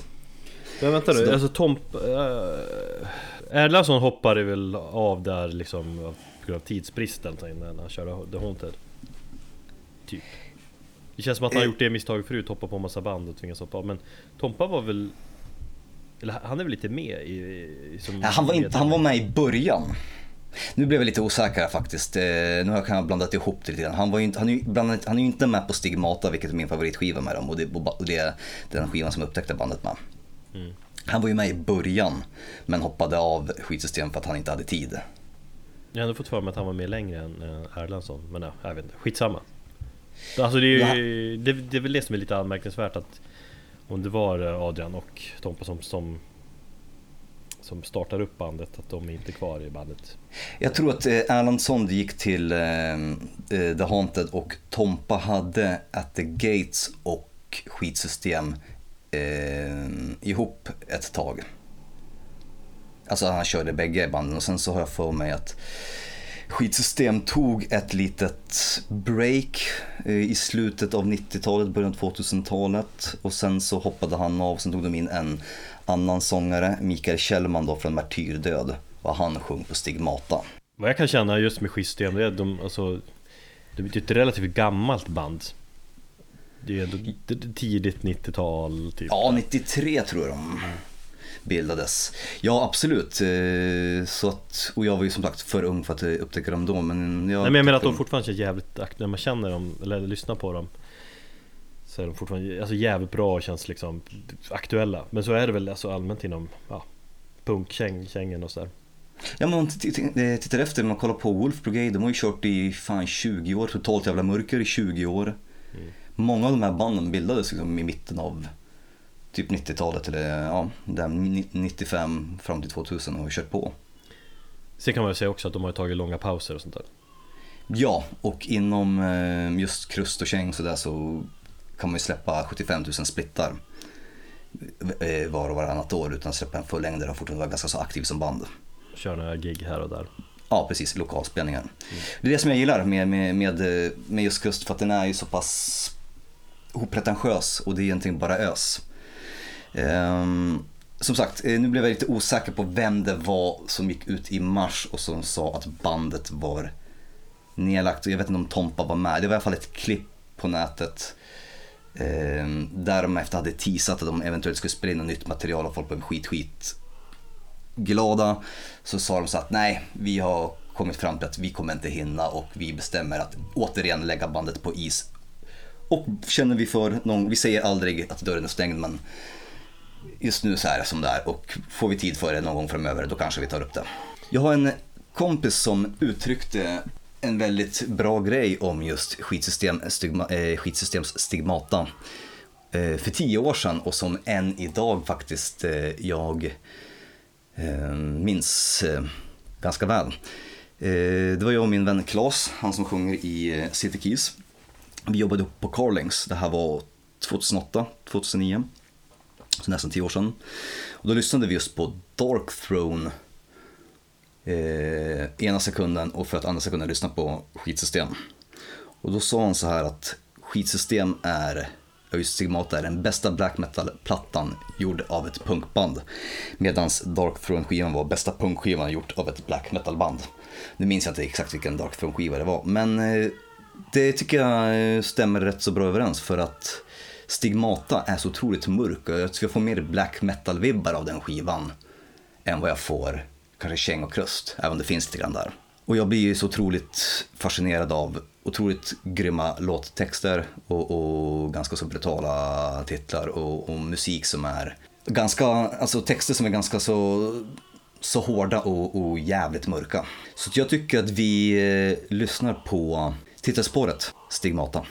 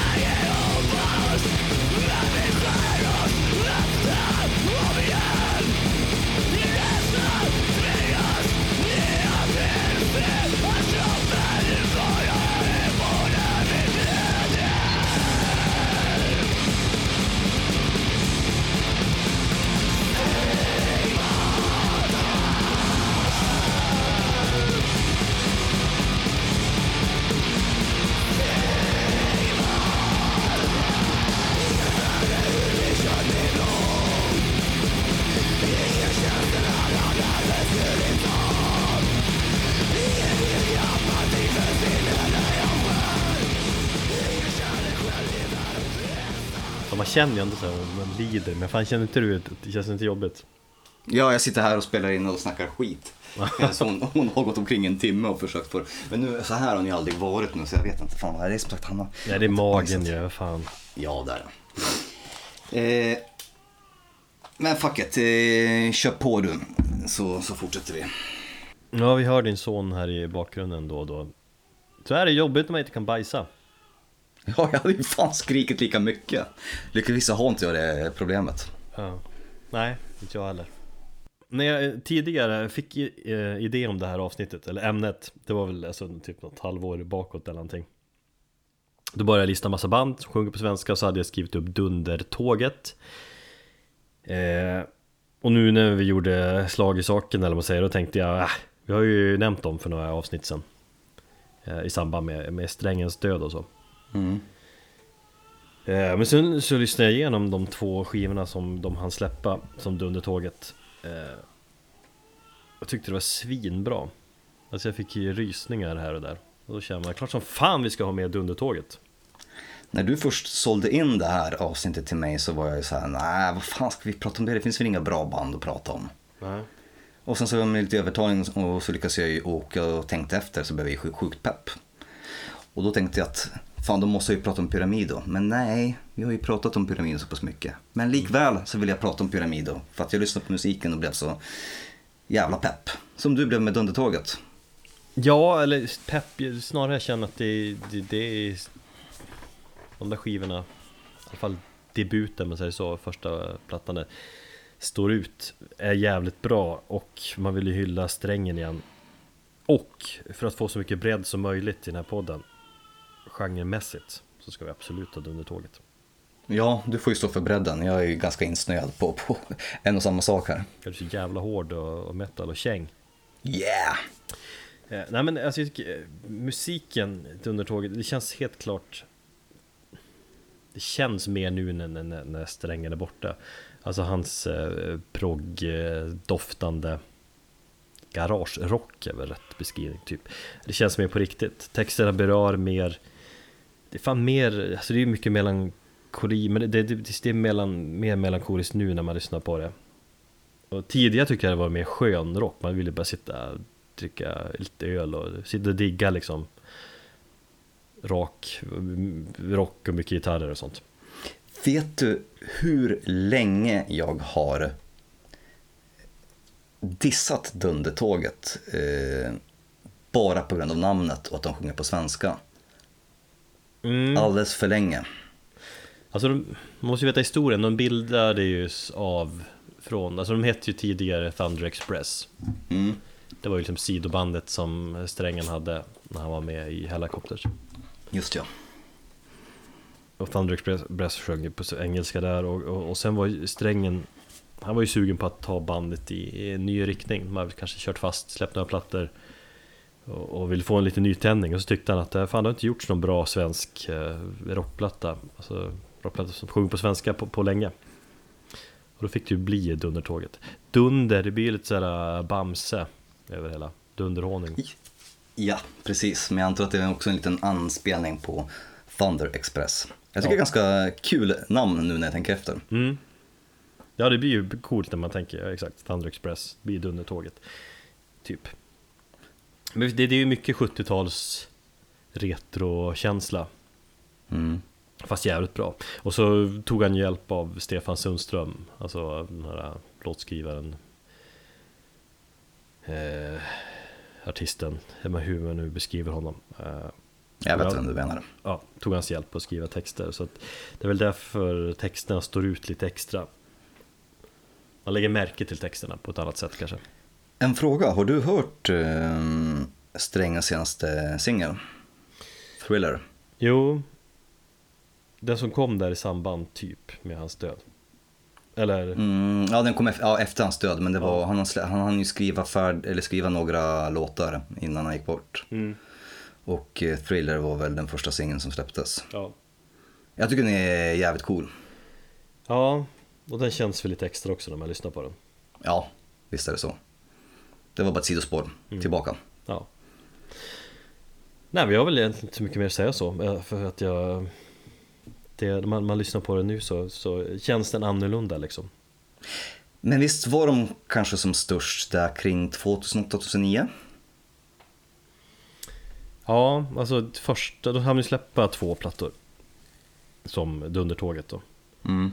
Eh, och första Skaffa ny frisyr kom ju först och det var väl där omkring 2011 kanske? 2009, 2010, 2011 2008 Vi är så jävla, ja.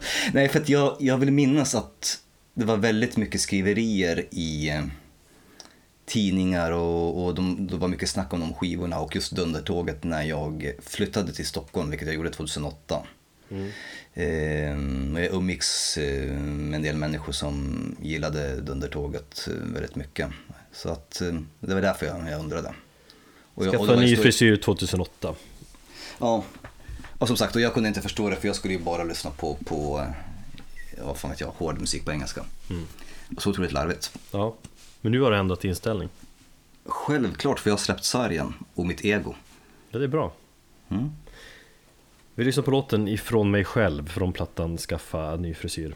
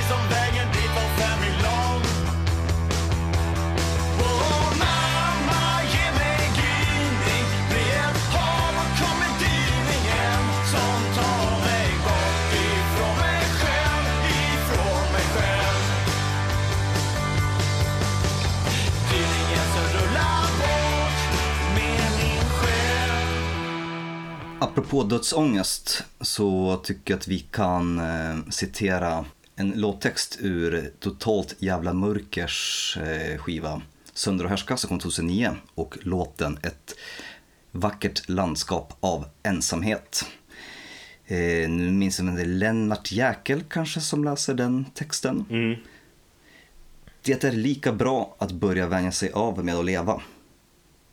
Jag tycker det är så otroligt mörkt men fint på något sätt ändå. Det är så mycket norrländskt vemod i den låten. Tänkte precis säga exakt de orden, ja Det är det verkligen Så Totalt jävla mörker är sista bandet eh, för det här avsnittet. Eh, Kanske bästa bandnamnet ändå ja, det blir så jävla larvigt på engelska dock. Total Och det, fucking det, och, darkness. Ja men det är därför det är så jävla bra, alltså det är därför man tycker att, ja men svenska är så jävla Nu svär jag igen, nu ska jag inte svära så mycket. Jag har ju så här brors dotter som lyssnar på det här ibland och sådär. Ursäkta. Men jag har det- två systersöner som lyssnar på det här. Ja. Äh, Helvete fuck it. Nej men jag menar att man pratar om att det känns löjligt med svenska och sådär. Men totalt jävla mörker låter så mycket brutalare och bättre än Totally fucking darkness eller man nu skulle översätta det. Blir det såhär Ozzy Osbournes 80-tal och alltihopa Bandet firar 20 år som band i år. Ehm, och de ska ju iväg på en jubileumsturné som heter 20 bortkastade år. Och programförklaringen, om man går in på deras Facebook-sida eller på deras Instagram och hur de, den här programförklaringen kring den här turnén och varför de valde att göra det här är så jävla typiskt dem. För det finns Pengarna! pengarna, nej det är de verkligen inte. Eh, apropå du, eh, vi snackade om boxar i förra, förra avsnittet. Eller om det var förra. Är du sugen på den? Den är lite för dyr för min smak nu när eh, man är en andra unge och jag måste fortfarande lägga väldigt mycket pengar på en nål till min vinylspelare. Men absolut, det är något jag skulle kunna tänka mig att ha hela allting på, på vinyl i och med att jag inte har en enda platta med dem. Helvetesboxen som den så fint kallas. Mm. Men jag tror den är slutsåld. Jaså? Ja, det var ju ett limiterat eh, antal som man kunde beställa via bandets hemsida. Eh, jag har ju smått jobbat lite grann med, med bandet, väldigt lite dock, eh, under min korta tid på, hittills på Sound Pollution. Vi distribuerar ju bandets grejer. Han har ju ett eget eh, skivbolag, Detakt och Råpunk. Sylen då, som sjunger i bandet, eller Mm. en av. De var ju de är två sångare, men får mig, var de inte tre sångare ett tag? De var tre sångare, Inge Johansson eh, var ju Jag tror han var med och startade upp bandet också, men han, han hoppade väl av för typ 10 år sedan eller något sånt där eh, känd, Mest känd som basist i The International Noise Conspiracy Han hade väl I slutet av Refused karriär så spelade han väl där också ett tag, typ Mm, det är möjligt. Jag såg dem 2005 som förband till The Haunted. Mm. På Prisma i Västerås. Och det var en gammal biosalong där de hade ryckt bort eh, stolarna. Men de hade fortfarande de här trapporna. Och det var jävla konstigt att stå där på de här, som, nivåskillnaden och sen så scenen. Som man hade spelade på.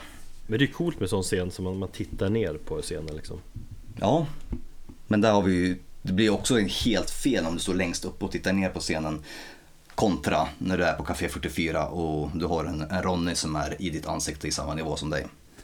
Jo, och totalt jävla mörker vill man ju ha i, I sitt, ansiktet. i sitt ansikte Ja. Ehm, nej, men ett otroligt eh, bra band. Ehm, det, det känns som att, alltså det är ju psykiskt jobbigt i jobbig musik och många i bandet eh, lider ju av psykiska problem. Och det har de ju själva gått ut och sagt med. Sagt i intervjuer och sådär. Och, men ändå ett band som har väldigt mycket känslor på, på, på, på utsidan. Vilket jag gillar. Jag tycker att de är När man ser dem live Jag tycker att de blir mer metal då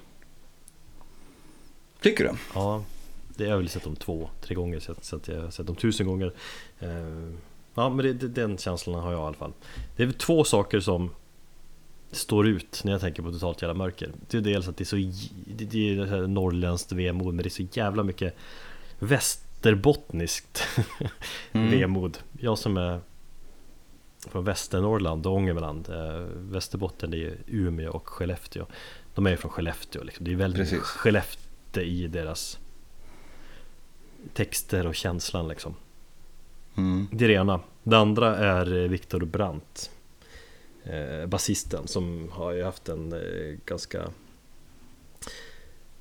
har ju väldigt eh, aktiv karriär nu Eller har haft sen, sen eh, Totalt Jävla Mörker eh, lades ner Alltså han har spelat ju i Tomb AD och även i Vad fan? Satyricon.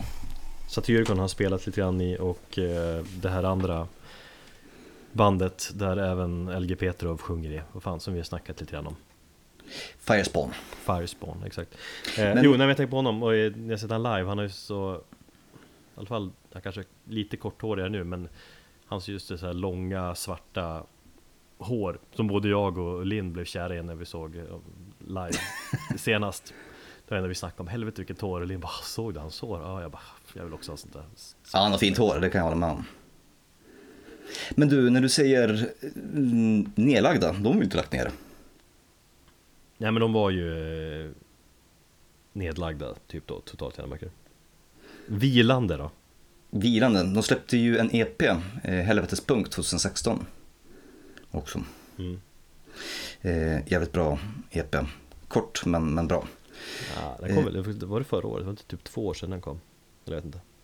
Eh, jag kan... För mycket års, år snack här nu. Årtal. Ja, det är helt klart att vi, inte, att vi börjar bli gamla och inte har riktigt koll på, på åren. Eh, Jo, annars är det jävligt svårt att hålla koll på skivor exakt om det släpps eh, 2015 eller 2016 och sådär. Hur som helst, deras eh, helvetes turné, eller de här 20 bort, bortkastade åren, kom ju till Stockholm och eh, Södra Teatern kanske, i december. Var det Södra Teatern? Eller så, senast jag såg dem var i alla fall på, på Kägelbanan. Eh, nu är det lite oklart var de spelar, men de spelar i alla fall i, i Stockholm i december och det är någonting som vi nästan måste gå och se, eller hur? Ja, det hade varit kul. Eh, med det sagt och för att knyta an till din ursprungsfråga hur det känns att vara tvåbarnsfarsa så vill jag faktiskt knyta ihop säcken på ett väldigt fint sätt här och spela låten Vem formar din syn på världen från just eh, Söndra och härska som kom 2009. Och det är faktiskt en fråga som jag ställer mig väldigt ofta nu för tiden. Eh, vem är det som formar min syn på världen? Vad är det som har fått mig att ha den kanske något mörka och nihilistiska eh, världsbilden eller liksom synen på, på livet som jag ibland har. Och eh, vem kommer forma eh, synen på världen hos mina barn? Jo, det kommer väl förmodligen jag och Karo till stor del. Men du menar då att dina föräldrar har eh, liksom gett dig den synen? Det menar jag inte, utan jag frågar mig fortfarande själv, jag har nog inget svar på den frågan. Vem är det som har format min syn på världen? Jag tror att jag är en produkt kanske av den musiken som jag växte upp med, utanförskapet och eh, att jag kanske på något sätt har, har en väldigt mörk sida som kanske inte alla människor gillar att, att ta upp eller liksom bli vän med. Du vet när vi snackar om, om Dexter, the, the, the Dark Passenger. Jag har en liten sån där Dark Passenger, en liten liksom mörk skugga i, inom mig som jag har alltid försökt att bli vän med istället för att liksom trycka bort den. Som det kanske är brukligt att man gör för att man inte vågar bemöta sina mörka sidor. Så att eh, det är en fråga som sagt som jag, jag ställer mig eh, väldigt ofta och som blev ännu mer aktuell nu när, när jag tittar på mina barn. Och jag hoppas att jag på något sätt lyckas få forma deras syn på världen i någon kanske form av, ah, jag vet inte, inte nödvändigtvis positivare eh, syn men kanske någon form av realistisk syn i alla fall. Sånt funderar man ju mycket på. Det gör man när man är tvåbarnsfarsa. Döden och sina barn och sitt eftermäle. Verkligen. Eh, Totalt hela mörker spelar 10 december på Kraken. Kraken var det. Då bokar vi in den tycker jag. Eh, inte klart med vilket förband det ska vara verkar som. Är det så? Mm. Ska det vara förband överhuvudtaget? Alltså Pyramido är ju med dem i Lund till exempel dagen innan så att vad fan kan inte de hänga på upp? Ja, Vi får se. det tycker jag. Vi får se helt enkelt. Gott så va? Ja, det blir ett rekordavsnitt idag ser jag. Precis, jag ska klippa bort en massa bebisskrik här. Nej men ha kvar det lite grann, lite sånt ska det vara. Lite sånt, bara för att få, få den här familjära känslan. Exakt. Hård, hård rock och blöjbyten. Mm. Bra, eh, vi lyssnar på Totalt jävla mörker och Vem formar din syn på världen? Och till nästa gång så får ni ta hand om er. Tack för att ni lyssnar!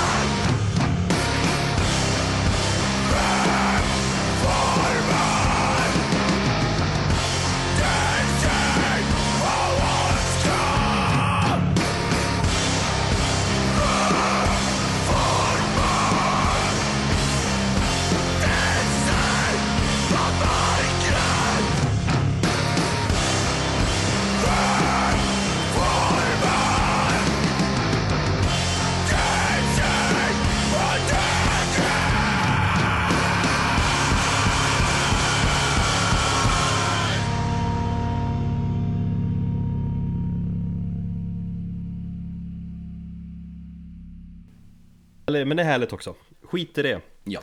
Vi kastar oss in i ämnet direkt, tror jag. Mm, det tycker jag. Vi ska prata... Vänta, jag ska bara se. Hur går det? Nej, det är ingen fara. Har, han bajsat? Nej, jag vet inte. Det kanske är magen som krånglar. Ja, vi får använda en sån där pysventil. Ja, jag ska testa. Pys, pysventiler, det är jävligt bra grejer alltså. Svindyra, men det är underverk. Det ska man skaffa om man skaffar barn. Mm. Har, har ni använt pysventiler? Ja, Har du testat det på dig själv? Nej, det har jag inte. Eller vänta, jag kanske gjorde det. Va? Jag kanske gjorde det med Zacke kom jag på. Jag, jag måste ha testat, det låter som en grej som jag definitivt skulle testa. Ja, jag jag säger ja på den. Eh, och vad, vad sa vi? Vi slänger oss in i ämnet direkt tycker jag.